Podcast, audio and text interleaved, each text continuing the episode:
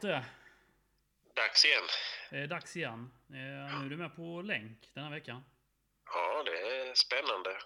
Pröva Ja. nytt i dessa tider. Ja, det är ju, det är ju så att eh, ja, men det k- kan husera covid någonstans här i närheten. Kan vara så. Så då får vi liksom ta det på distans och länk för att vi måste ju få ut ett avsnitt, Ja, tänker jag. exakt. Alltså- Det är ju ny vecka helt enkelt. Ja, och det var ju covid som gjorde att vi började på det, så då får vi ju fortsätta även om det finns i vår närhet nu. Så, ja. Ja, ja, men, eh, ja, men faktiskt, det blev ett eh, nytt avsnitt den här veckan helt enkelt. Jag vet faktiskt Ja, det det. Jag vet inte hur många veckor i rad det är nu, men det... Vi orkar inte räkna längre. Mm, nej, det gör vi inte. Men det känns ju bra. Du, ehm, fyra poäng så här långt i Östersäsongen. Är du nöjd med detta eller? Ja, eller jag vet inte. Svårt. Jo, men det, poängmässigt ser det ju bra ut. Mm, Absolut. Hade någon sagt att du får fyra poäng efter två matcher så absolut. mm. Vad tycker du? Ja, men det är på något sätt, sen är det ju surt att förlora två poäng då i slutminuterna. Ja, den sved ju Ja, såklart. Eh, Men eh, nya tag mot Falkenberg. så är det. Du, vi kanske Ser kan... vi har lite publik. Ja, ja, åtta stycken. Åtta stycken. Podden är väl given, tänker jag.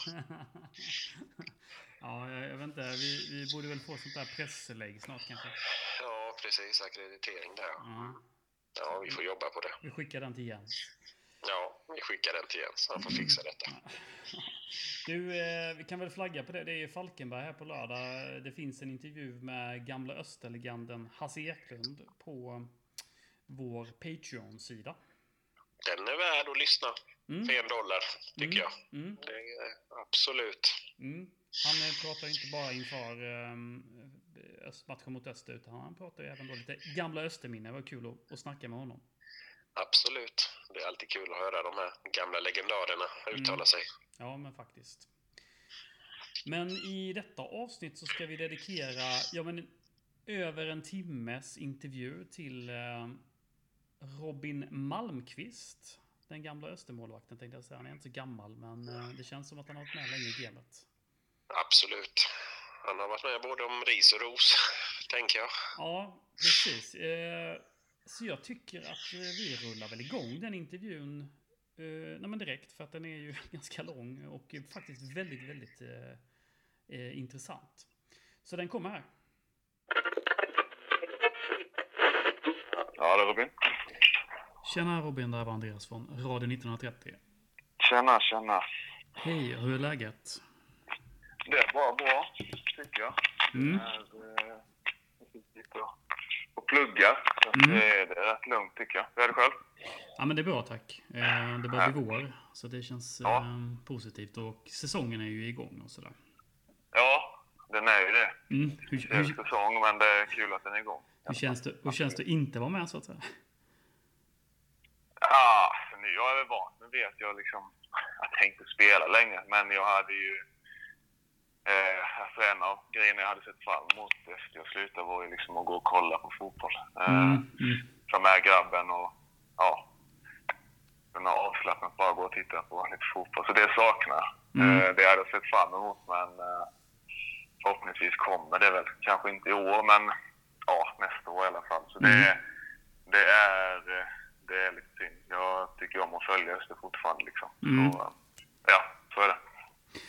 Du, eh, vi tänkte jag skulle göra ett, eh, ja, men ett reportage om, om dig och din eh, eh, karriär helt enkelt. Eh, så vi tänkte jag skulle ägna, Okej, ja. ägna de närmsta minuterna och, och, och lyssna lite på... Ja. på, Se om det är någon som är intresserad av att lyssna på det. det, det, det, det tror jag verkligen att det är. Ehm, Tror du det? Ja, mm, gud ja, absolut. Självklart. Men du, vi ska börja, ta det från början. Du är uppväxt i Alvesta. Ja. Vad, vad, har du för, um, vad har du för uppväxt i, i Alvesta? Uh, ja, jag började spela fotboll i Alvesta GIF när jag var, uh, vad kan jag ha varit, nio eller tio tror jag. Mm. Ehm, och eh, ja, det är framförallt min pappa spelade i fotboll. Eh, Mm. Så det var väl den relationen vi egentligen hade till att börja. Men eh, ja, jag började inom pojklag. ja. eh, och spelade i Alvesta GIF till jag var 14. Mm. Eh, så jag gjorde ju gjorde aldrig någon A-lagsmatch eller så. Eh, det var ju för ung. Så Alvesta låg väl, tror jag, i trean. Mm. Eh, så en ganska så, ja, etablerad förening. Liksom. Så jag gjorde någon ja, juniormatch eller något sånt där innan jag eh, spelade, började spela Östers pojkallsvenska. Mm. Så, eh, jag gjorde inte jättemånga år i Alvesta, men det är ju det är där jag är född och, född och uppvuxen. Liksom. Så det var ju min första klubb. Du, hur skulle du beskriva din, din eh, uppväxt i Alvesta? Med fotbollen menar du? Nej, men generellt. Rent generellt. Mm. Eh, men jag kommer från en väldigt så idrottsintresserad familj. Framförallt min, min pappa då också. Han har en lillebror som också, eh, vi höll på med samma saker liksom. Det var tennis och det var fotboll. Mm. Så det var just eh, racketsport eh, förutom fotbollen då som var min, eh, min stora passion. Så jag eh, körde tennis och fotboll eh, alternerade mellan dem. Så jag tränade väl eh, fyra gånger i veckan. Mm. Eh, så det var ju väldigt, mycket, väldigt mycket idrott. Det var liksom min stora, min stora passion och det var favoritämnet i skolan och, Mm. och allting. Liksom. Men jag körde fotboll och tennis det kombinerat fram till att jag, jag började spela Öster då, när jag var, jag tror jag skulle fylla 15 och då eh, hann jag inte med det längre. Så de tränade fyra gånger i veckan. Ja, Så då eh, hade jag problem att hinna med skola och så vidare. Så då eh, fick jag sluta med tennisen och valde, och valde fotbollen. Mm. Så, eh, nej men en, ja, rolig, rolig uppväxt med mycket idrott kan man sammanfatta. Mm. Du, hur bra var du i tennis? Nej, inte så. Alltså det var ju utan tvekan rätt att välja, välja fotbollen. Men det var många så avseenden. Jag tycker nästan tennis var roligare. Mm. Det gick lite om, lite omgångar det där. Men eh, jag kände själv att jag var bättre på fotboll och sen Mm. jag, när det fanns en möjlighet att pröva och spela efter så vill jag givetvis testa. Eh, men just racketsport så tycker jag ju fortfarande är extremt kul. Eh, så det är ju något jag, framförallt padel spelar jag ju så mycket Mm. jag kan. Så, Eh, som alla andra i Sverige? Ja, jag, har, jag går in i den gruppen liksom. Men Mm. jag tycker det är, det är något som jag har tagit upp lite. Som Mm. jag, man hinner inte göra det så mycket när man spelar själv och tränar nästan varje dag liksom. Så är ju just så andra idrottsintressen är ju något som eh, man inte har tid till. Så det är ju något jag tycker är väldigt kul. Mm. Eh, Och har tagit upp lite sen jag valde att sluta. Mm. Ja. Du, eh, varför blev du målvakt? Ja. Jag testade att vara utspelare först. Mm. Men jag kände, jag vet inte, jag hade alltid sån här lite fascination. Jag tyckte det var häftigt med målvaktshandskar och målvakten hade speciella tröjor och så. Så jag hade alltid lite så, ett sug till att testa någon match. Mm. Eh, men eh, jag började lite med utspelare var ju definitivt ingen, ingen höjdare. Eh, så jag fick testa att spela som målvakt en match och det var min pappa tränare. Mm. Eh, jag tror vi torskade 9-0 eller något sånt där. Jag tror inte jag försökte rädda en enda boll med händerna utan jag försökte bara rädda med fötterna. Så det, blev, det, var, det var ingen succé. Men eh, sen prövade jag någon match till och det gick bättre och bättre och till slut så, så blev jag fast liksom. Mm. Eh, jag tyckte det var extremt kul och ja, lite den här, ja, lite matchvinnar, vi gör avgörande räddningar och, så. Det var en känsla som jag tyckte var grym. Mm. Så att jag, jag blev kvar där, helt enkelt. Mm. Ha- Hade du någon sån här som du såg upp till, eh, du vet någon sån här målvaktsidol när du var yngre? Men Peter Schmeichel var ju definitivt min så. Jag Mm. tyckte han var bäst, bäst i världen liksom. Mm. Och sen eh, Thomas Ravelli tyckte jag också, det här med ja, VM 94 och allt det tyckte Mm. jag ju var eh, jättekul. Också när jag fick kännedom liksom att han var, hade spelat i Öster så tidigare, det visste jag inte så mycket om innan Mm. när jag var så ung. Utan just hans koppling till Öster och, eh, och så. Så Thomas Ravelli och ja, Peter Schmeichel skulle jag säga då, var väl mina så, jag Mm. tyckte var häftiga att se upp till. Mm. Du, du kommer då till, till Öster då, som du var inne på, ja, men som J-lagsspelare. Ja, pojkarsvenskan hette det. Ja, pojkarsvenskan, precis. Ja, hur, hur minns precis. du, hur, hur var det att komma till Öster om man jämför med, med Alvesta då? Nej, jag var skitnervös liksom. Mm. Det var, eh, hur ska jag säga? allt var ju annorlunda. Vi tränade inte lika mycket i Alvesta och det var... Först, min första träning var ju, vi skulle ha brottning, kommer ihåg, i simhallen. Mm. Eh, och liksom jag var en liten tanig 14-åring liksom. Och de var, många var ett eller två år äldre än mig. Eh, och jag var väldigt, ja, väldigt tystlåten och tillbakadragen så skitnervös. Mm. Så den träningen eh, glömmer jag aldrig liksom. Eh, sen växte jag väl in i det Mm. mer och mer och började ta fram mig mer och mer. Men väldigt så eh, tillbakadragen och ja, försökte hitta min plats och så vidare. Men så jag var ett och två yngre och de flesta var större och fysiskt starkare än vad jag var.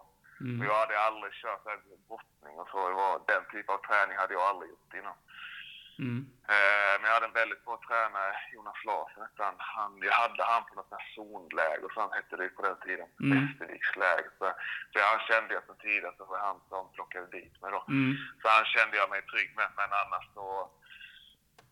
Någon enstaka spelare hade jag mött som var i min ålder och lite här, men annars var det nya ansikten framme liksom. Så Mm. det var... Ja, det... Ja. Nej, men tuff start så. Mm. Eh, definitivt, men jag, jag växte in i det. Eh, men det var ju dels träningsdosen och dels väldigt många nya ansikten. Mm. Så det var, ja, man fick lära sig att ta för sig. Men jag var väldigt så tillbakadragen i början och ja, försökte hitta min plats i, i gruppen och så vidare. Mm. Det, ja, Du, eh, det går ju rätt bra i laget här och du debuterar i Superettan. Du får rätta mig om jag har fel här nu, men, men som 17-åring, eller? ja, det gick, eh, alltså allt gick extremt snabbt. Mm. Jag eh, började spela, jag började i pojkallsvenskan då när jag var 14-15, vi var några målvakter där. Mm. Sen blev det en hiskelig massa skador helt plötsligt. Vi hade en eh, Patrik Gide, hade vi en målvakt som var i Tipselit, hette då Kuno, var tränare där. Mm. Han eh, fick en skada, eh, vilket gjorde att de hade en målvakt kort. Mm. Och då fick jag följa med på något, något läger där med Tipselit. Och då eh, blev det någon, ja, och sen eh, resulterade att jag fick fortsätta träna med Tipselit när jag var, jag var 15 tror jag. Mm. Så det gick väldigt snabbt att jag fick börja träna med dem. Och det Mm. var ju liksom... Det blev väldigt mycket skador. Så blev det en skada på en annan målvakt, kommer jag ihåg. Någon allvarligare skada som gjorde att jag fick fortsätta träna. Eh, och sen eh, till slut så fick jag fortsätta tipsligt. Eh, och där var det också... Det var ju ännu tuffare för de var ju... Det kunde vara tre, fyra år äldre än mig liksom. Mm. Så de var ju definitivt eh, fysiskt starkare än mig och eh, ja, jag var ju fortfarande bara 15 år liksom, bodde hemma i Alvesta och så liksom. Så Mm. det var, allt gick väldigt snabbt för så jag hann nästan inte med. Jag, jag bara körde och sen fick det bli som det blir. Men, och sen eh, resulterade det att när jag var 16 då så pajade, då var ju Björn Stringheim var, Mm. var efter. Han pajade hälsenan.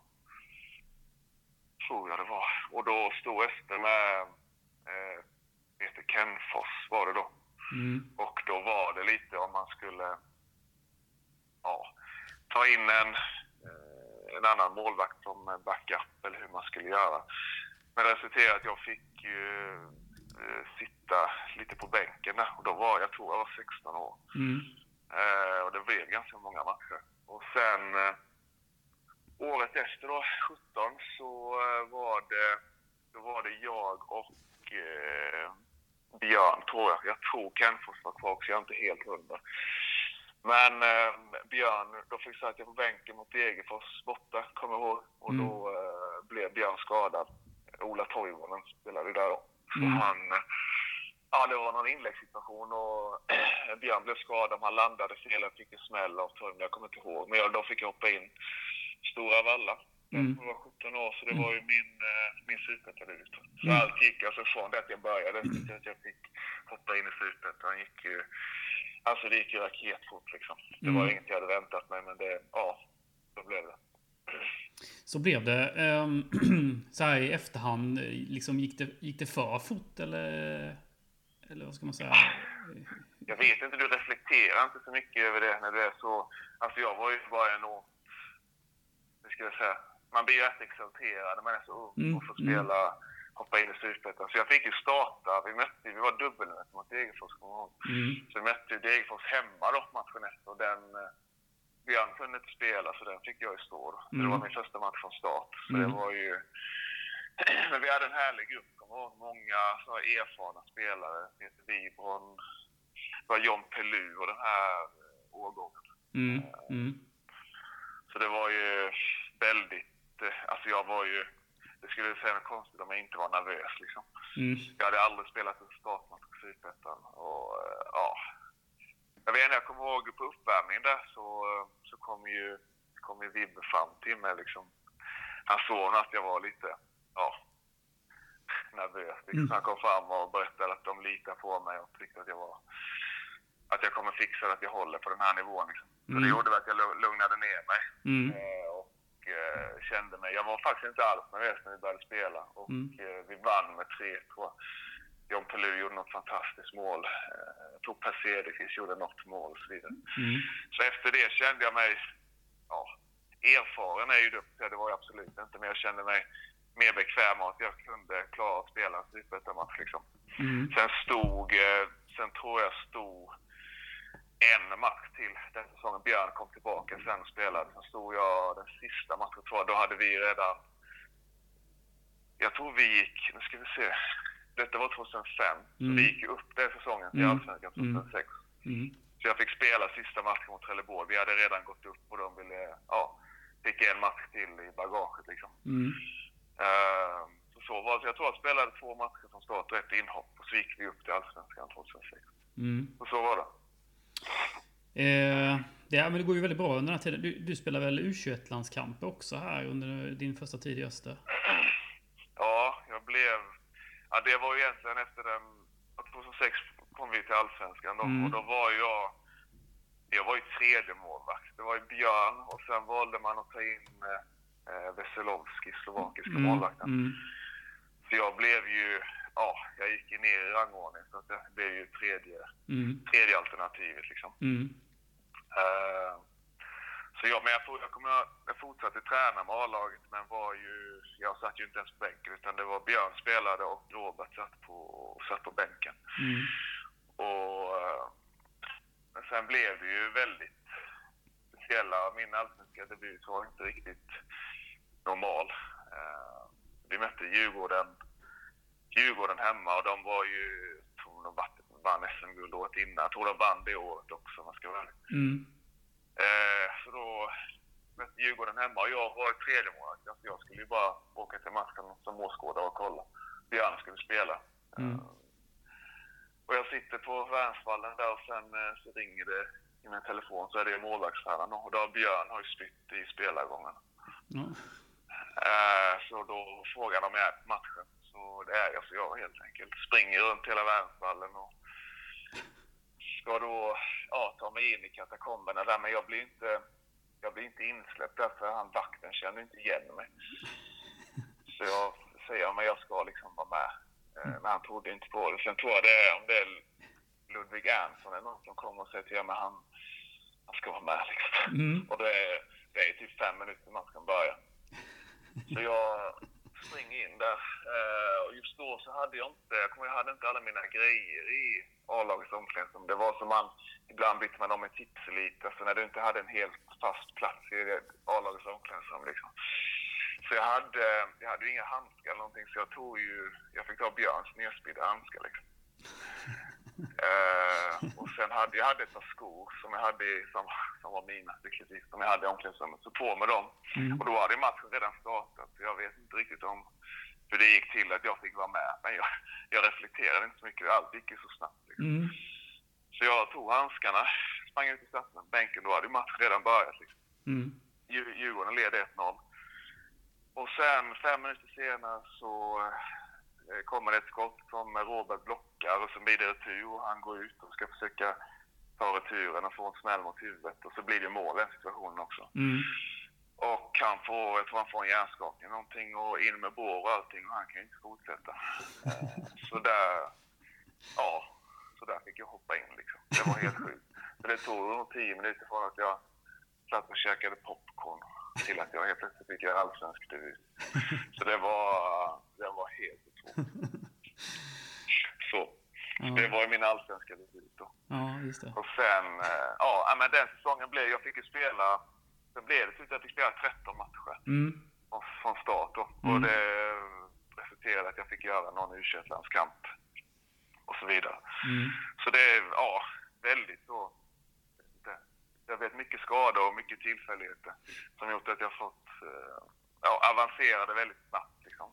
mm, Men eh, jag ser att jag fick spela 13 matcher så något, något bra jag måste ha gjort även fast jag var så pass ung. mm, Så eh, litade väl eh, Lasse Jakobsson och som var tränare på Mm. mig eh, ändå. Så det var ju en, alltså en brutal erfarenhet för mig.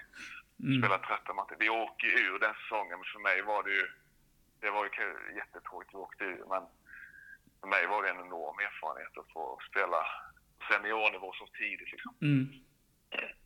Ja, så. Men du, eh, eh, vi återkommer ofta till det här året i, i vår podd 2006. Hur minns du det? Det verkar ju vara väldigt, ett väldigt märkligt år. Mm. Vi har ju... Vi gick ju väldigt bra i Superettan. Gick ju upp... Jag tror vi kom etta, eller om AIK kom etta och vi tvåa eller sånt där. Mm, Eh, och Lasse var tränare då, och Lasse fortsatte ju då allsvenskan. Vi fick in en hel del eh, som jag anser väldigt bra spelare. Pavel Savadil och mm, eh, fick vi in mer Tofo Bennett och eh, väldigt många nya spelare. Men Mm. vi... Eh, ja, vi fick det inte att gå ihop helt enkelt. Eh, för mig var det väldigt mycket nytt. Jag hade i princip... Alltså jag tränade bara med A-laget i början och slutade med att jag fick spela 13 matcher. Så Mm. för mig var det liksom... Jag försökte bara fokusera så mycket på att försöka sätta en nivå så att jag skulle kunna klara att spela allsvenskt spel. Mm. Sen eh, var det tufft liksom att ligga i botten och kriga liksom. För mig var det bara att försöka samla på mig så mycket erfarenhet som möjligt och alltså bara utifrån mina ja, eh, egenskaper och kvalitet bara göra det så bra som möjligt liksom. Mm. Men, det var ju, det är klart det var ett tufft år, men jag tror för de äldre spelarna, jag hade ju aldrig varit med om en sån situation tidigare, alltså, alltså vara i botten av en serie. Alltså jag hade ju spelat juniorfotboll och B-lagsfotboll liksom mm, för mig att ligga där i botten och kriga med kvalplatser. Så alltså det var ju, men det var nog mer de äldre spelarna och liksom klubben generellt som... Jag förstod ju självklart allvaret i det, men jag var så ung och så, så att jag bara, jag bara infann mig i det och sen bara körde jag på. Liksom. mm, Så det, men tyvärr åkte vi ur eh, direkt tror jag. Jag tror inte ens vi kvar. Nej, vi åkte ur direkt. mm, mm. Ja. Yes, så. Så det var ju nej, tråkigt år för klubben och Mm. jätte, att vi åker ur. Det är det ju alltid liksom. Men för mig som var så ung, 18 år liksom, att få, att få vara med och spela och skaffa på mig den erfarenheten, det var ju, var ju ovärderligt. Mm. Du, eh, du är ju kvar i klubben ett år till där efter detta. Mm. Det blir inte mindre turbulent, men du, du stannar kvar. Hur, hur minns du de åren? Spe- Spelade du då med, eller hur? Ja, nej men klubben valde att satsa på mig. Mm, Som, eh, då kom ju Giles Stille kom in. mm, Så det var jag och eh, Robert då, Mm. Slavski. Mm. Ehm, och klubben valde att satsa på mig. Men det blev ju ändå, alltså, det blev ju ett riktigt kaos då. Mm. Eh, verkligen. Det blev ju, ja vi åkte ju. mm, Och jag spelade ju tio matcher eh, och sen åkte jag på min allvarliga skada då. Jag fick ett knä i ansiktet. Så jag spelade inte på resten av säsongen. Så jag spelade de tio första. mm, Men vi fick, ju, fick en dålig start och det var liksom... Vi levde ju inte all- alls upp till förväntningarna. Och jag var fortfarande bara 19 år liksom. Mm. Så då började vara med... Alltså vi, jag kommer vi siktade på att gå upp direkt liksom. Och det var ju också... Det blev en helt annan press. eh, Att jag skulle gå in säsongen som förstemålet, 19 Mm. år gammal och Mm. känna liksom att vi, vi ska gå för upp liksom. mm, Och märka att det, vi fick en dålig start och hängde inte på i toppen alls. Eh, och sen då efter tio matcher kvar min smäll och sen spelar ju eh, sen spelar Robert resten av säsongen. Men det blev ju eh, en fruktansvärd säsong. Både Mm. ur personlig synvinkel och för klubben liksom. Så, Mm. eh, ja, så vi åkte ju ur den säsongen tyvärr. mm. Du stannar ju även kvar första året i, i division 1 också. Ja, det gör vi nog va? Eh, Ja, det gör vi. Stämmer. Jo, vi stannar kvar sen går vi upp året efter. 2000... det är så långt tillbaka. Jo, vi spelar ett år i division 1 och så går vi upp året efter tror jag. Mm, precis. Men du, är du kvar, är du med i båda de division 1-åren där? Ja, Mm. jag är med båda division 1-åren. Mm. Och sen så går vi upp 2008. Eh, går vi upp, då hade vi Ludvig Ernst som tränare. Spelade någon så här riktig ångestmatch på slutet mot Bunk, Limhamn Bunkeflo tror jag han hette. Och vinner den och sen går vi upp direkt liksom. Så Mm. det var ju eh, fantastiskt. Och efter den säsongen så lämnade jag för Halmstad. Så jag spelade två år i eh, division 1-mästare där. Mm. 2000, nu ska vi se. Ja, åt, jag lämnade efter 2008. Eh, har jag för mig. Eller 2009. Ja, 2009 måste det vara, tror jag. 2009 var det, just Mm, mm. 8 och 9 spelade vi i eh, division 1. Ja, Ja. så stämmer. Mm. Ja. Men du, sen går du till HBK. Hur kommer det sig? Hur kommer det sig? Lasse var ju, Lasse och Anna Andersson var ju tränare. Mm. Så Lasse hade ju, alltså det var Lasse som tog upp mig och vågade satsa på mig när jag var så jätteung. Så Mm. de hade ju, han hade ju bra koll på mig. Eh, sen var de och kollade på några matcher i division 1 där. Mm. Eh, och det gick väl relativt bra eh, för mig. Sen Halmstad då hade Magnus Bane skulle ju lämna. Eh, så då hade de Carl-Johan Jonsson som är i landslaget nu, Mm. spelar för Köpenhamn. Mm. Så det var ju han då och eh, så eh, valde de att gå för mig. Så de hade ju, vi var ju två väldigt unga målvakter. Kalle var ju tre år yngre än mig. Mm. Jag var ju, fan var jag 20, 22, 21 eller 22. Kalle Mm. var ju 18, 19 då, så det var ju ett extremt ungt målvaktspar. Så Bane lämnade då och sen så, eh, men sen så lämnade även eh, Janne Andersson. Han, eh, jag kommer inte riktigt ihåg, det var så länge som han lämnade. Jag kommer inte ihåg vilken klubb han gick till, men han blev inte kvar Halmstad. Så Lasse tog ju, blev ju huvudansvarig där. Mm. Han blev huvudtränare. Så ja, det skulle vara öppen. Jag kände att jag hade ändå en realistisk chans att få spela ganska mycket. Hade barnen varit kvar så, så hade det nog varit minimal chans att jag skulle få spela. Nu var det ändå en, en annan ung målvakt och vi var, ja, jag var ju några år äldre men det skulle vara öppna kort och vi skulle kampera ihop och det kändes som en, för mig att gå från division 1 till allsvenskan kändes ändå som ett, alltså ett, en chans för mig och, och sen hade jag varit i Öster sedan jag var 14 år så jag kände liksom det, jag ville testa Mm. eh, och blev erbjuden ett fyraårskontrakt. Mm. Så jag, jag körde på det helt Mm. enkelt. Mm. Du, hur går det i Halmstad? gick till Halmstad. Ja, det var väldigt upp och ner. Mm. Eh, dels var det klubben hade, året innan jag kom så hängde man kvar, tror jag, i, om det var två matcher kvar. Så Halmstad var en klubb som just då låg ja, lite ovanför, ovanför kval, nere i regionerna liksom. Mm. Och då, det var, jag kommer ihåg, det var väldigt mycket så snack, hur skulle målvakterna klara det här? Två unga målvakter som var, jag hade 13 matcher i Allsvenskan och Kalle hade väl typ fyra eller fem, han hade inte så många heller. Så det var ju väldigt mycket hur, att Halmstad vågade satsa på oss och hur det skulle gå och så vidare. Mm. Men jag, jag inledde säsongen i alla fall. Jag startade eh, och spelade ju ja, vad kan jag spela? Jag tror Kalle spelade fem, sex matcher och jag spelade resten. Mm. Eh, och vi hängde ju kvar. Två matcher kvar så var vi säkrade. Eh, väldigt upp och ner. Alltså jag var ju fortfarande så här 21, 22 år och hade några riktiga plattmatcher och hade några riktigt bra matcher. Så det var ju, alltså det var ju väldigt upp och ner. Mm. Eh, så ja, det var tufft. Det var djupa dalar och det var höga toppar liksom. Mm. Eh, men jag kände ändå att, alltså när jag summerade säsongen så var jag ändå, vi hängde kvar i Allsvenskan. Det var min första så här, etablerade allsvenska säsong så jag kände ändå att jag var ganska nöjd. Jag hade någon riktig platt match men steppade upp efter det och fick fortsätta spela. Eh, och relationen mellan mig och Kalle var jättebra. Vi, vi var i samma båt liksom. Mm. Hade vi gått runt och... Alltså vi var konkurrenter men vi backade upp varandra liksom. Båda hade ju... Eh, satt ju i samma sits och ville ju hjälpa klubben liksom. Och vi var i samma ålder också så vi, vi umgicks lite utanför fotbollen också. Så det, det underlättade. Och så hade vi Conny Johansson, vår målvaktstränare. Han var också jättebra. Så Mm. eh, vi löste det som grupp liksom. Mm. Och det var, ja, det var enorm stärkte mig enormt och hela gruppen att vi kunde hänga kvar. Mm. Trots att det blev så tufft då liksom. Så helt okej, eh, men det är klart jag var ju absolut ifrågasatt under delar av säsongen. Mm. Så var det absolut. Så det, ja, ung och eh, oerfaren så ja, jag växte av det. Det var en enorm erfarenhet. Men det Mm. är klart att eh, jag hade det också lite tuffare period i Halmstad. Absolut. Du, eh, sen blir du ju på något sätt utlånad eh, till, i Norge. Är det Tromsö? Eller vad? Ja, Mm. alltså jag satt på treårskontrakt och Lasse fick eh, gå efter den säsongen. Mm. Och då kom ju den här satsningen på spanska influenser. Det skrevs väldigt mycket om det. Vi tog in tre spelare från. Real, Ma- Real Madrid.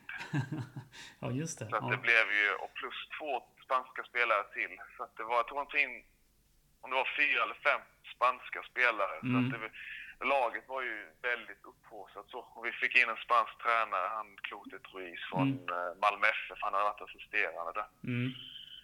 Eh, och en av de här spanska spelarna var ju då en målvakt som han valde att ta in. En Mm. mer, mer erfaren målvakt. Mm.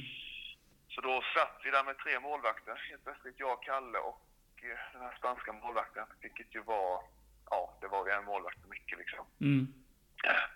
Men jag inledde, vi inledde med tre målvakter under försäsongen.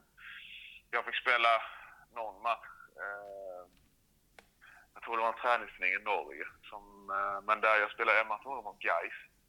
Och gör en bra, det kändes väldigt bra fram till sista minuten där jag gör ett mindre bra ingripande. Mm. Och e- efter det fick jag inte spela en minut liksom. Eh, Och kände att eh, det här eh, blir nog inget bra. Så då diskuterade jag med klubben om utlåning. De tog upp det också. De kände också att de hade en målvakt för mycket liksom. Mm. Om utlåning kunde vara ett alternativ, men just då så hade jag, hade jag inga alternativ som kändes, som kändes eh, bra liksom. Eh, Som kändes rätt. Så jag satt fortfarande med tre år kvar på avtalet. Mm. Så jag hankade mig kvar lite. Sen åkte vi på eh, ett träningsläger, kommer ihåg till, jag tror Barcelona. Mm. Tränade som svin. Det var det tuffaste träningslägret. Vi tränade tre gånger om dagen. Det var ju helt, helt nytt för, för många spelare och framförallt för mig också. Vi var uppe klockan sju och sprang och sen hade vi fotboll och styrka efter det. Så hade vi det liksom en vecka. Så man var ju helt död. Men då var vi tre målvakter i alla fall. Mm. Och eh, ja, men situationen hade varit uppe på tapeten om jag skulle gå på lån och så, men det hade inte dykt upp något som... Eh, jag hade något enstaka tid, men det kändes inte rätt. Liksom. Eh, men sen så, ja, så ringde Tromsö eh, under läget då, från ingenstans. Och eh, jag visste nada om Mm. den klubben. Mm. Absolut ingenting. Men eh, ja, de spelade i högsta ligan. Eh, och hade en svensk målvakt, Marcus Salman hette han, som var från Halmstad från början. Och de behövde en målvakt till. Detta var i mars. Så att det var, de skulle i princip inleda sin säsong väldigt snabbt. Mm. De behövde en målvakt till. Och eh, ja, för mig och de hade kommit, de hade spelat Europa League året innan och jag tror de kom tre eller fyra i ligan. Så det var ändå alltså en toppklubb i Norge var det. Så jag kände att det är bättre för mig att kunna i alla fall vara en av två än att känna att, som det var då, vara nummer tre till Halmstad. Liksom. Mm. Så jag kände att det var bästa alternativet. Och då blev det ju en riktig rock'n'roll där det gick extremt snabbt.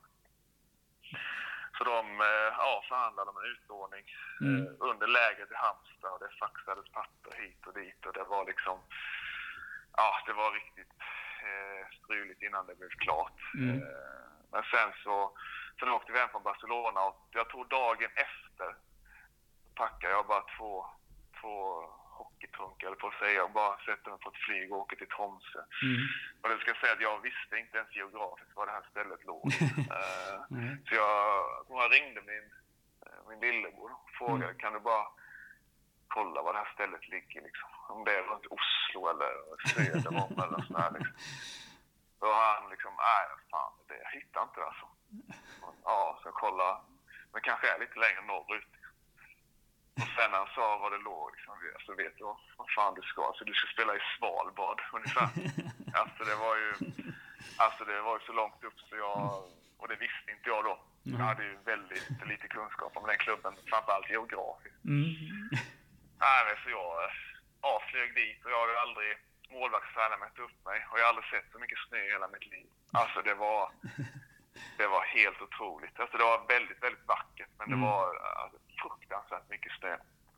Så jag fattade inte riktigt vad jag hade gett mig in på.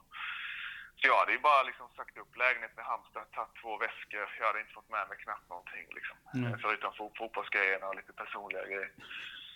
Eh, så mina föräldrar fick ju åka och städa lägenheten i Halmstad och Mm. fixa allt det praktiska där liksom. Mm.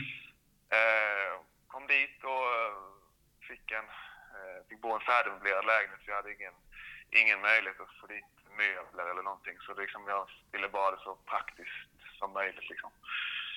Eh, kom dit, bodde i lägenheten. Sen dagen efter skulle jag ha målvaktsträning. Eh, och målvaktstränaren skulle komma och hämta mig då. För jag Mm. hade ju ingen bil eller någonting där. Eh, så, ja, han kom och hämtade mig då, men så kom jag inte ut i lägenheten. Också. Alltså jag får inte upp dörren. Så jag gick in i sovrummet och kollade ut och så jag är ju insnöad då. Det är ju tre, en tre meter snövall utanför dörren. Så jag fick, eh, ja, en hockeytackling är väl rätt benämning på det. Liksom. Hockeytackla mig ut för att komma ut ur lägenheten överhuvudtaget. Ja. Så det var min första, första erfarenhet av Tromsø. Jag kommer till, till arenan, lite, ja, typ som en lite mindre arena, den tog väl 5-6 tusen kanske. Mm. Träffade, vi hade två svenska spelare, var målvakten, var en som hette Fredrik Björk som spelat i AIK, Helsingborg och lite så tidigare. Mm. Han, det var de två svenska och så, ja, så det var bara rätt in i det liksom.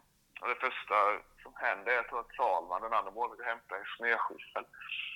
Tänkte, vad fan ska du med den till? Sen kom vi ut på planen och så, alltså från, från mållinjen och två, ja, en och en halv meter upp så är det en snövall liksom. Eh, Så hade man, ja, hade du skjutit ett skott på marken så hade det inte gått in. Alltså det var ju, så vi började med att skotta fram målet i princip så att Mm. vi skulle kunna ha målvaktstränare. Så det var, ja, jag hann alltså, det, jag fattade ingenting. Jag tog en snöskyffel och började skotta också liksom. Jag tänker det är väl så man, det är väl så här liksom. Det var en helt annan, helt annan värld. Ja, Så det uppenbarligen. var bara, ja men allt gick så snabbt. Jag hade inte reflekterat så mycket så jag vi skottade fram målet och sen körde vi igång. Mm. Jag hade en fantastisk målvaktstränare, bland det bästa jag haft. Mm. Eh, så han var, vi körde vi två, Mm. jag och Salman och han då. Och det var, ja det var enormt utvecklande. Mm. Så ja, under det året så... Ja, Salman var väldigt så bra namn i Norge. Han hade gjort det jättebra. Etablerad kille i tippeligan liksom. Två Mm. äldre än mig. Så jag, jag tror jag spelade fem, sex matcher i tippeligan och två eller tre matcher i det här Europa League-kvalet. Mm. Så ändå... Alltså jag ångrar inte att jag flyttade dit. Eh, Och sen började jag komma till rätta i staden och det är ett fantastiskt ställe. Mm. Helt enormt fint. Mm. Mm. Och eh, men det var lite speciellt, vi flög varenda match. Mm. Närmsta bortamatch var i Oslo. Liksom. Det var Mm. två timmar med flyg. Ja, ja. Så att det var ju väldigt mycket flygresor. Jag flög alltid dagen innan och så vidare. Ja. Eh, Men ett superhärligt gäng och jag, jag trodde inte jag skulle trivas där efter första dagarna. Liksom. Det var, kände inte en käft. Långt hem. Mm. Eh, till Halmstad kunde jag köra hem på en helg. Liksom. var rätt, så, rätt bekväm. Här var det liksom sköt dig själv. Och, Mm. ja, det var väldigt. Så hade vi tränaren var Per-Mattias Högmo som var i Djurgården. Mhm. Även norsk förbundskapten. Eh, ja, en helt fantastisk människa. Extremt ödmjuk och även fast jag spelade bara kanske åtta, nio matcher på en hel säsong så kan jag inte säga ett negativt ord om den klubben. Inte om tränaren, inte om målvaktstränaren, ingenting. De, de behandlade mig fantastiskt och jag blev, även fast jag inte spelade så mycket så blev jag eh, sjuhelvetes mycket bättre målvakt. Mm. Så, så eh, ja, utlånad där ett år. Mm. Eh, och sen de ville ha kvar mig. Men jag kände ändå att jag var i en ålder där jag, jag behövde spela mer. Hade jag, då Salman förlängde, skrev ett längre kontrakt så jag kände jag, jag kommer inte spela här. Mm. Även fast jag trivdes jättebra så. Så jag kände det. Och då satt jag med två år kvar på kontraktet med Halmstad. Mm. Och det började dyka upp lite klubbar. Jag hade någon klubb från Obos, alltså deras motsvarighet till Superettan och Mm. lite så här. Men, och sen dök Assyrisk upp Mm. från ingenstans. Och det sa ju blankt nej. Så aldrig i livet. Så. Jag kommer aldrig... jag trodde inte jag skulle trivas där.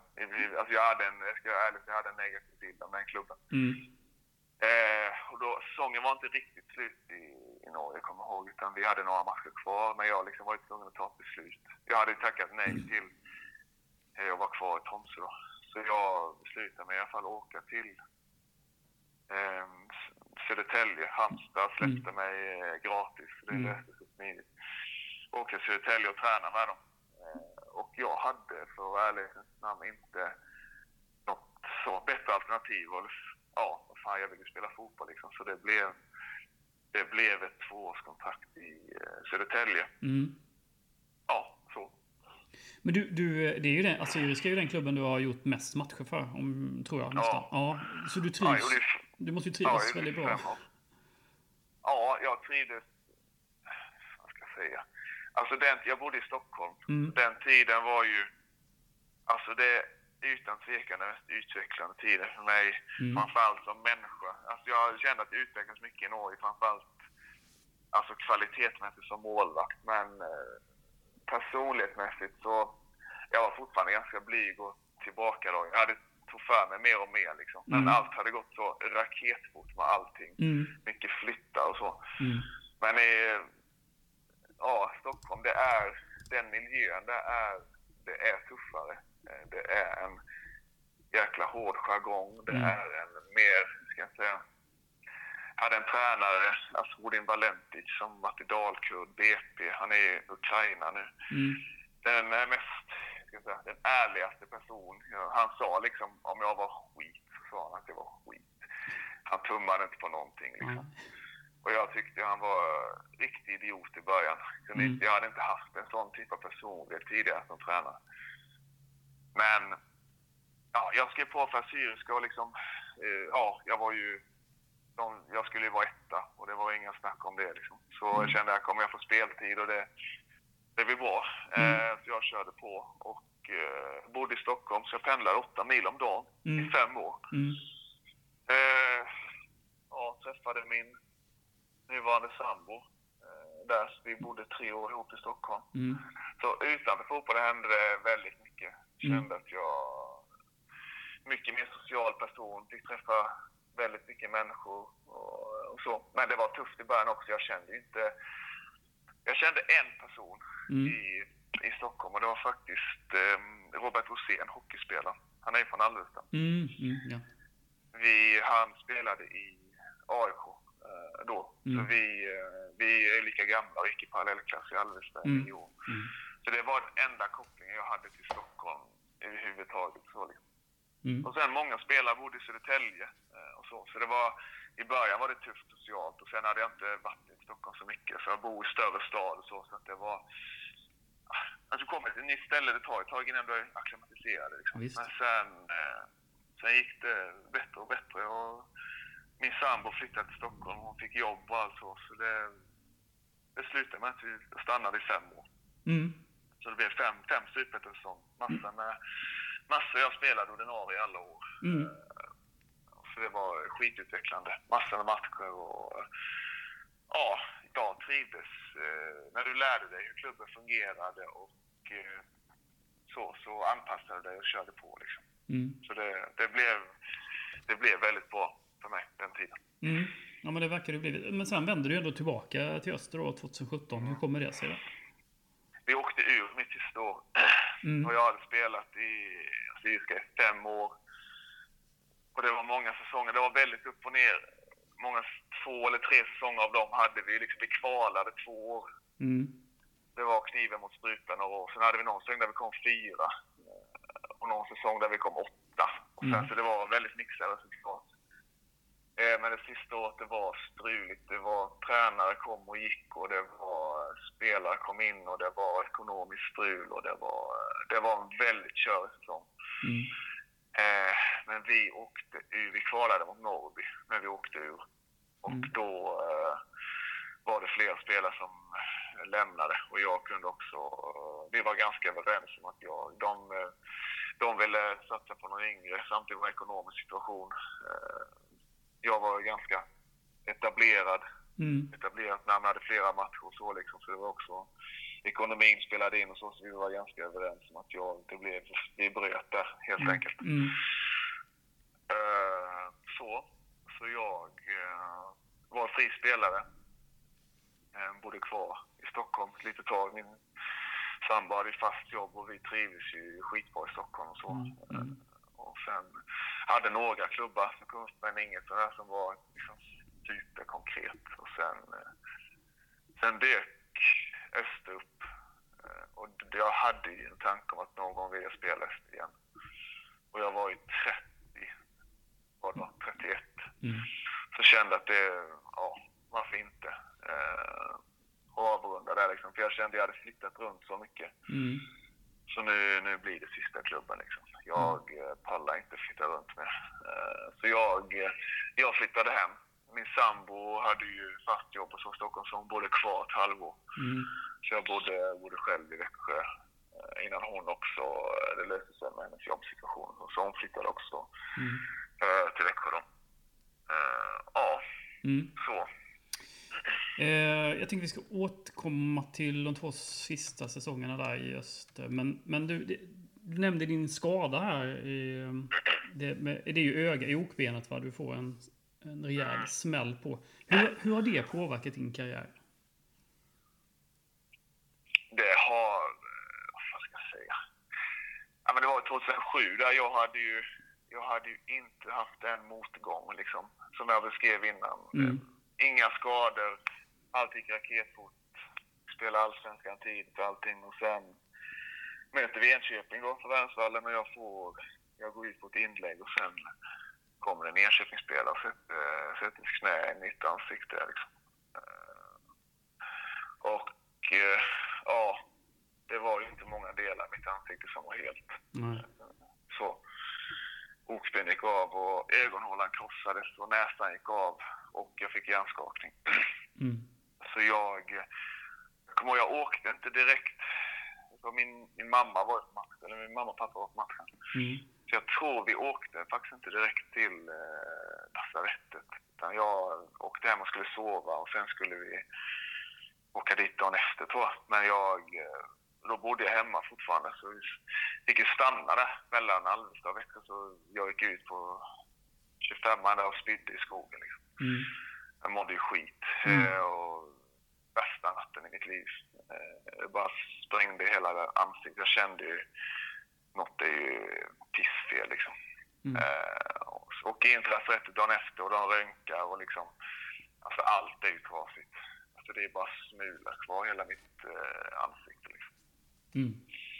Och sen eh, fick jag en enorm svullnad också, så ögat var ju helt, helt igenbommat eh, också. Men det var ju, de fick ju operera där, eh, alltså på studs, typ dagen efter tror jag. Mm.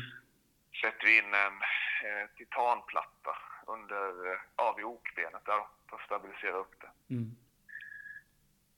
Eh, och jag, eh, och sen eh, rättade de till näsan och jag hade fått hjärnskakningar och grejer. Så jag fick ju massa masker och grejer så jag fick ju definitivt inte spela fotboll liksom. Nej.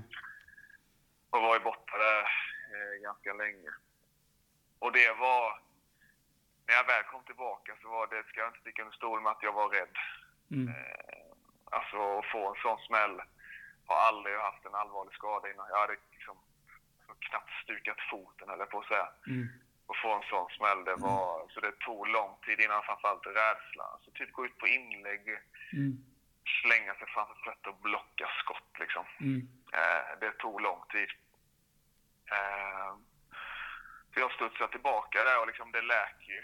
Eh, titanplattan sitter där den ska. Mm. Eh, och så, så det läker ju. Sen märker jag att eh, något är inte helt hundra med min syn. Liksom. Och får uppsöka ögonläkare och så, så märker de att eh, ja, ögonen samarbetar inte riktigt. Vilket leder till att jag får opereras i Stockholm.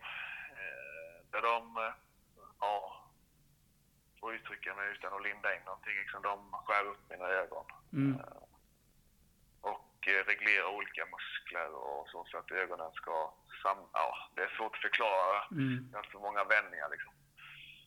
Det opereras där. Eh, kommer tillbaka igen och det blir ju den operationen blev väldigt bra. Mm. Och vi går ju upp mest. Jag spelar, kommer tillbaka, spelar. Och går till Halmstad och så vidare. Mm. Och känner då att jag liksom har tagit mig tillbaka. Jag eh, känner mig mentalt på banan igen efter den, efter den smällen. Mm. Men liksom som ung åka på en sån grej, det var ju liksom ingen, det är ingen stukad fot eller något sånt där liksom. Det är ju, Nej, Ja. menar krossat ansikte, det låter ju extremt traumatiskt. Det låter som en bilolycka eller den det typen. var det. Ja. Det var det. Det var Mm. traumatiskt. Mm. Framförallt i början. va. Att våga ställa ett fotbollsmål igen. Mm. Alltså, mycket av att stå mål är ju... Du måste vara orädd. Och Mm. du måste våga slänga det framför fötter och få ett... Ja, sparka på det och så. Alltså, du, du måste ha lite... Inte så mycket mentala spärrar för att stå i ett fotbollsmål. Liksom. Mm. Och när du åker på en sån grej, det är liksom så ung eh, och få, få den smällen liksom. Det är klart, för vem som helst hade det ju satt spår liksom. Och det gjorde det i början innan jag vågade ta för mig och liksom, jag var rädd för att få nya smällar Mm. på ansiktet. Eh, Men ja, flera läkarbesök efter det och liksom de förklarade att just Alltså titanplattan är ju, den är nästan starkare än den andra sidan liksom. Den är stenhård. Så får du smälla i den, den kommer sitta där liksom. Mm. Eh, Men eh, det tog sin tid, men det, fan jag studsade tillbaka och det, Mm. det är ju något jag säger efterhand. Det, ja, alltså jag brukar inte framhålla mig själv liksom, men det är något jag är väldigt stolt över. Mm. Det kunde ju absolut ta slut där och då. Jag kunde liksom bara, nej, nu, ja det är inte värt det längre. Jag offrar inte detta. Men eh, det gjorde jag. Mm. Så, Mm. ja. Ja, men det är ju otroligt starkt att komma tillbaka där. Ja, nej men det, det är något jag känner stolt över. Liksom. Att jag, sen var det ju, alltså har jag haft extremt stöttande föräldrar och trygg tillvaro och så liksom. Mm. Eh, som har hjälpt mig mycket. eh, Gett mig så mentala aspekter på livet, vad som är, vad som är viktigt och, Mm. och så. Så det, det fick mig att växa som människa något enormt Mm. Och ta ingenting för givet liksom. Det är bara det är gött att spela fotboll och ja, fy fasen. Mm. Efter det så, ja, jag var inte speciellt så nervös inför matcher och så här länge. Utan har du gått igenom något sånt sak så är det liksom, jag blev jävligt så mentalt stark efter den smällen. Och kände att jag, det är inte mycket som kommer rubba mig liksom. Så. Nej, men det är ju, det är ju skönt att, att höra liksom. Mm. Att man går mental, mentalt starkt, starkt Mm. ur en Ja. sån situation såklart. Ja. Du, din, din Österkarriär, eh, den har ju varit i två omgångar då. En, eh, en period, vi ska kalla den första perioden, när du är väldigt ung Ja. liksom. Och sen nu då när du är egentligen ganska, ja, men ganska erfaren, kanske en av de mest erfarna superettan-målvakterna eh, som spelar de senaste åren. Men eh, en sak som, eh, vad ska vi säga, Österkarriären har präglats av utifrån ett supporterperspektiv är ju att du har varit svajig liksom. Mm. Att du har liksom, ja men att det har trillat in bollar som kanske inte skulle trillat in och så vidare. Tycker du att det är en, Ja, ja. Tycker du att det är en orättvis eh, beskrivning av, av din karriär? Nej, absolut inte. Det, alltså jag, jag om någon har liksom, jag har självinsikt och liksom min, eh, ska jag uttrycka mig? Jag hade väldigt eh, så här, höga toppar, jag kunde göra verkligen kanonmatcher. Och Mm. sen blev det svajigare vissa matcher liksom. Mm. Eh, men eh, jag kan säga liksom under mina år i Assyriska så hade jag det också liksom. Mm. Eh, men jag spelade ändå fem år kontinuerligt och det all, alltså alla målvakter har ju perioder där det, det trillar in bollar där det inte, som inte ska trilla in. Mm. Jag kan ta ett exempel som inte på något sätt jämför mig med Alisson Becker. Liksom. Mm. Men om, om folk utifrån kan få ett perspektiv hur det är att vara målvakt Mm. så är det liksom en av de mest... Alltså han är komplett i mina ögon. Alltså, han har inte en svaghet. Liksom. Han har varit brutal för Mm. Liverpool. Mm. Och sen gör han ja, två eller tre matcher och helt plötsligt är han ifrågasatt Mm. eh, och liksom diskuteras som som en säkerhetsrisk. Och det är liksom, det, för mig är det helt otroligt. Mm. Så den, den aspekten utifrån alltså supporterhåll och folk som kollar på matcher är liksom målvaktspositionen är att vi att vara jämn konstant hela tiden. Det är ju det som gör att antingen spelar du på väldigt hög nivå, eh, Premier League och så vidare, att du kan hålla en jämn nivå plus att du har spetskvalitet givetvis. Mm. Men det är, ju längre du kan hålla den nivån, ju längre fotbollskarriär har du. Mm. Eh, och ju längre, men också är det, om du gör misstag, hur du vänder på det och kan komma tillbaka liksom mentalt stark. Och jag, jag var fullt medveten om att jag liksom var ifrågasatt. Alltså jag har varit ifrågasatt. Eh, jag var ifrågasatt i Halmstad, i Öster, i Assyriska under perioder liksom. Mm.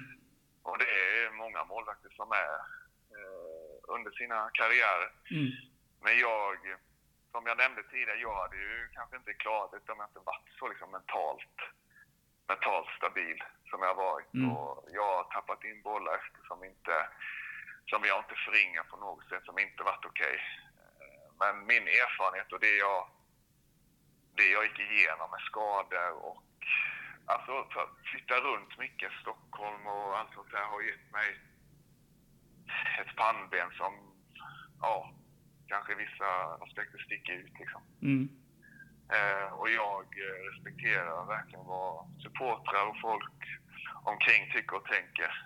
Eh, men det är liksom det jag hoppas supportrar så kommer ihåg. Men för är liksom det drivet jag hade och att jag alltid, jag alltid krigar liksom. Jag, jag la mig aldrig ner och jag bad inte om ursäkt för någonting. Utan jag, jag körde på även fast jag hade gjort misstag liksom. Mm. Eh, så jag hoppas att eh, alltså, supportrar så utifrån ändå har en positiv bild av mig som... eh, Alltså framförallt att jag gjorde allt jag kunde för Öster liksom. Mm. Och det... Absolut, jag hade mina svackor och jag, folk får, får tycka vad de vill liksom. Mm. Eh, det bryr jag mig inte så mycket om. Men eh, jag, jag gjorde misstag som inte var okej. Men gjorde också väldigt bra matcher eh, som jag liksom kom ihåg. Men du lär dig från dina misstag och eh, går vidare. Men det är klart att min sista session så hade jag ju, så hade jag en helt annat bagage än vad jag hade när jag var yngre. Mm. Och eh, lät inte så mycket negativa skriverier och åsikter så påverka mig alls. Ja. Eh, utan jag, jag körde liksom. Jag, sen hade jag bestämt att jag skulle avsluta Öster liksom. Mm. Och jag kommer avsluta starkt.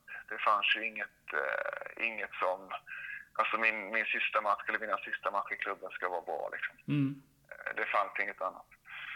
Så jag, det var liksom bara en målbild jag hade. Eh, så. Men jag, jag respekterar vad supportrar tycker och eh, inga problem med det. Supportrarna är liksom, i Öster, de är, de är brutalt viktiga Mm. och värdeliga för, för klubben liksom. Och det, det finns folk som tycker och tänker hela tiden. Utespelare får också kritik och Mm. eh, folk utanför laget får också kritik. Alltså Mm. det, I den här branschen så är det att, att kunna ta kritik är, det är liksom A och O för att du överhuvudtaget ska palla med och spela fotboll i många aspekter. Mm. Så är det. Det Mm. är tufft även fast liksom superettan är, alltså det är, det är inte Premier League direkt men du, du måste, du måste kunna ta kritik och ta lärdom och även fast den inte alltid är rättvist eller befogad, ja, så känner man ibland. Mm. Eh, och ibland så förstår man, förstår man vad folk tycker och tänker helt. Liksom. Men du måste kunna skärma av ifrån det Mm. och prestera nästa match. Då Mm. är det bara.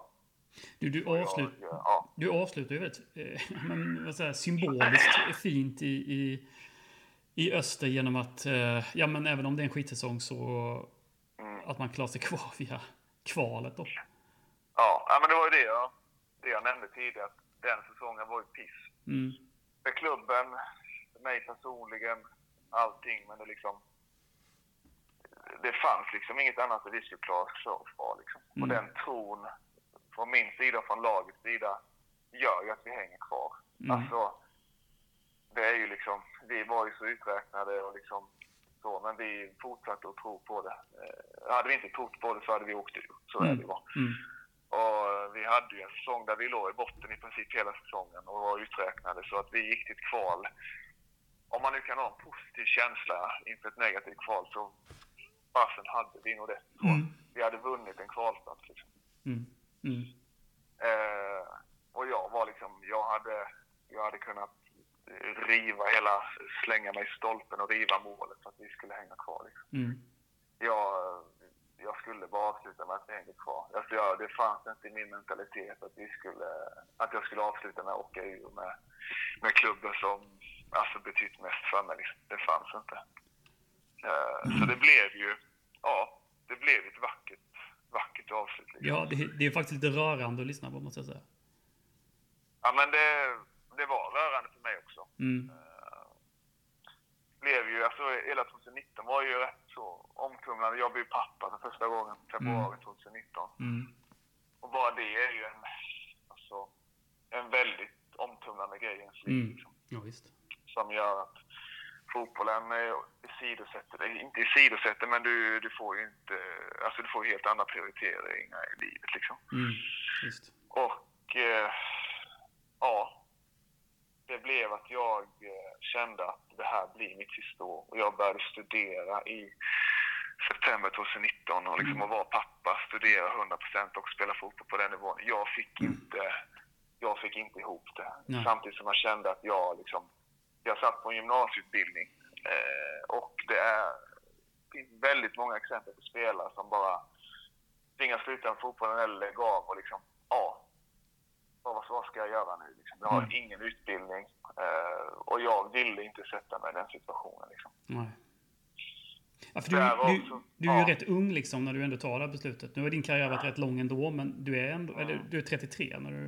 Eh, Ja, jag fyller 44 i år, men då är jag Mm. är ju 33 liksom. mm, Men jag kände mig, jag bröt i mitt, eh, jag hade ju ett 1 plus 1 kontrakt så jag valde och eh, i samråd med familj och framförallt mina egna känslor kände att jag är, jag är klar liksom. Så jag bröt i mitt avtal. mm, Eh, ja, några månader innan säsongen var slut liksom, så berättade jag och, Mm. eh, för klubben att jag, det blir mitt sista år liksom. Men det var ju ingenting som motiverade mig mer än att liksom fixa den här sista skitsäsongen. Liksom, Mm. Att vi skulle hänga kvar. mm, Det var ju det, var ju det jag brann för min absoluta största motivation. Att jag, jag kommer avsluta som vinnare. Liksom. Det finns inget annat. mm, Och vi, eh, ja, det jag tycker att hylla laget och eh, Dennis som kom in och allting. Kalle Björklund. Vi liksom mm, lyckades ro det i hamn och jag, ja, han får stå där liksom med sin grabb mm, framför klacken efteråt. Så liksom.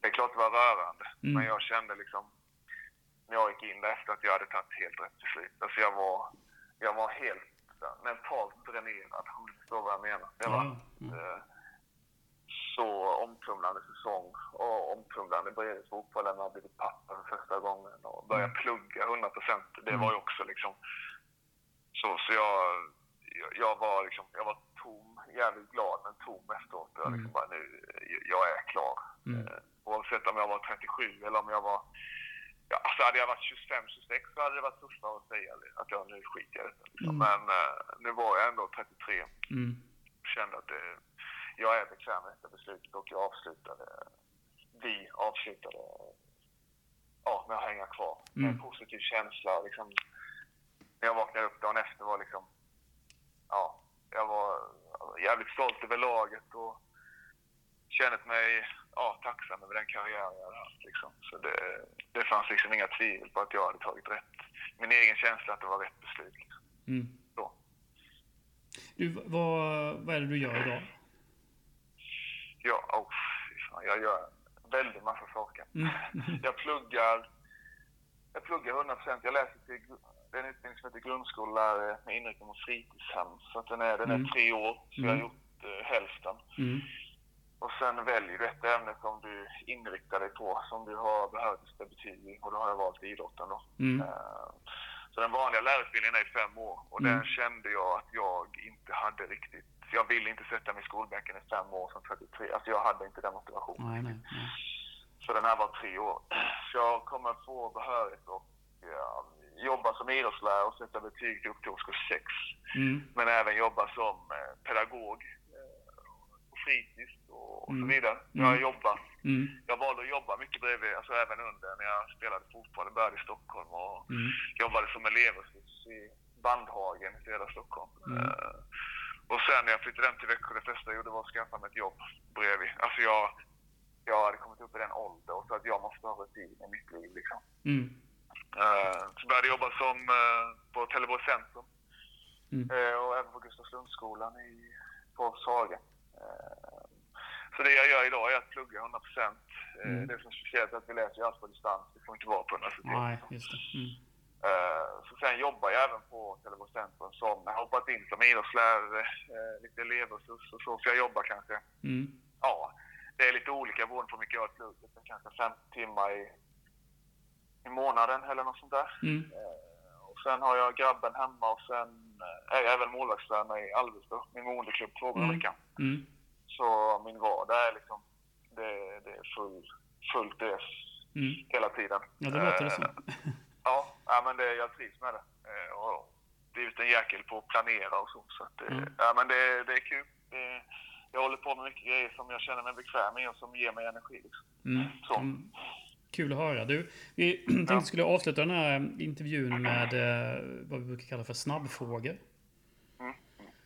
Så lite korta frågor här bara. Kommer nu då. Ja, ja. Eh, favoritmat?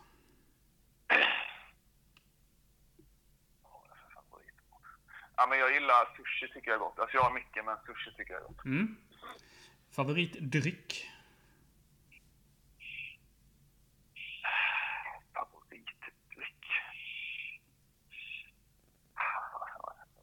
Alltså...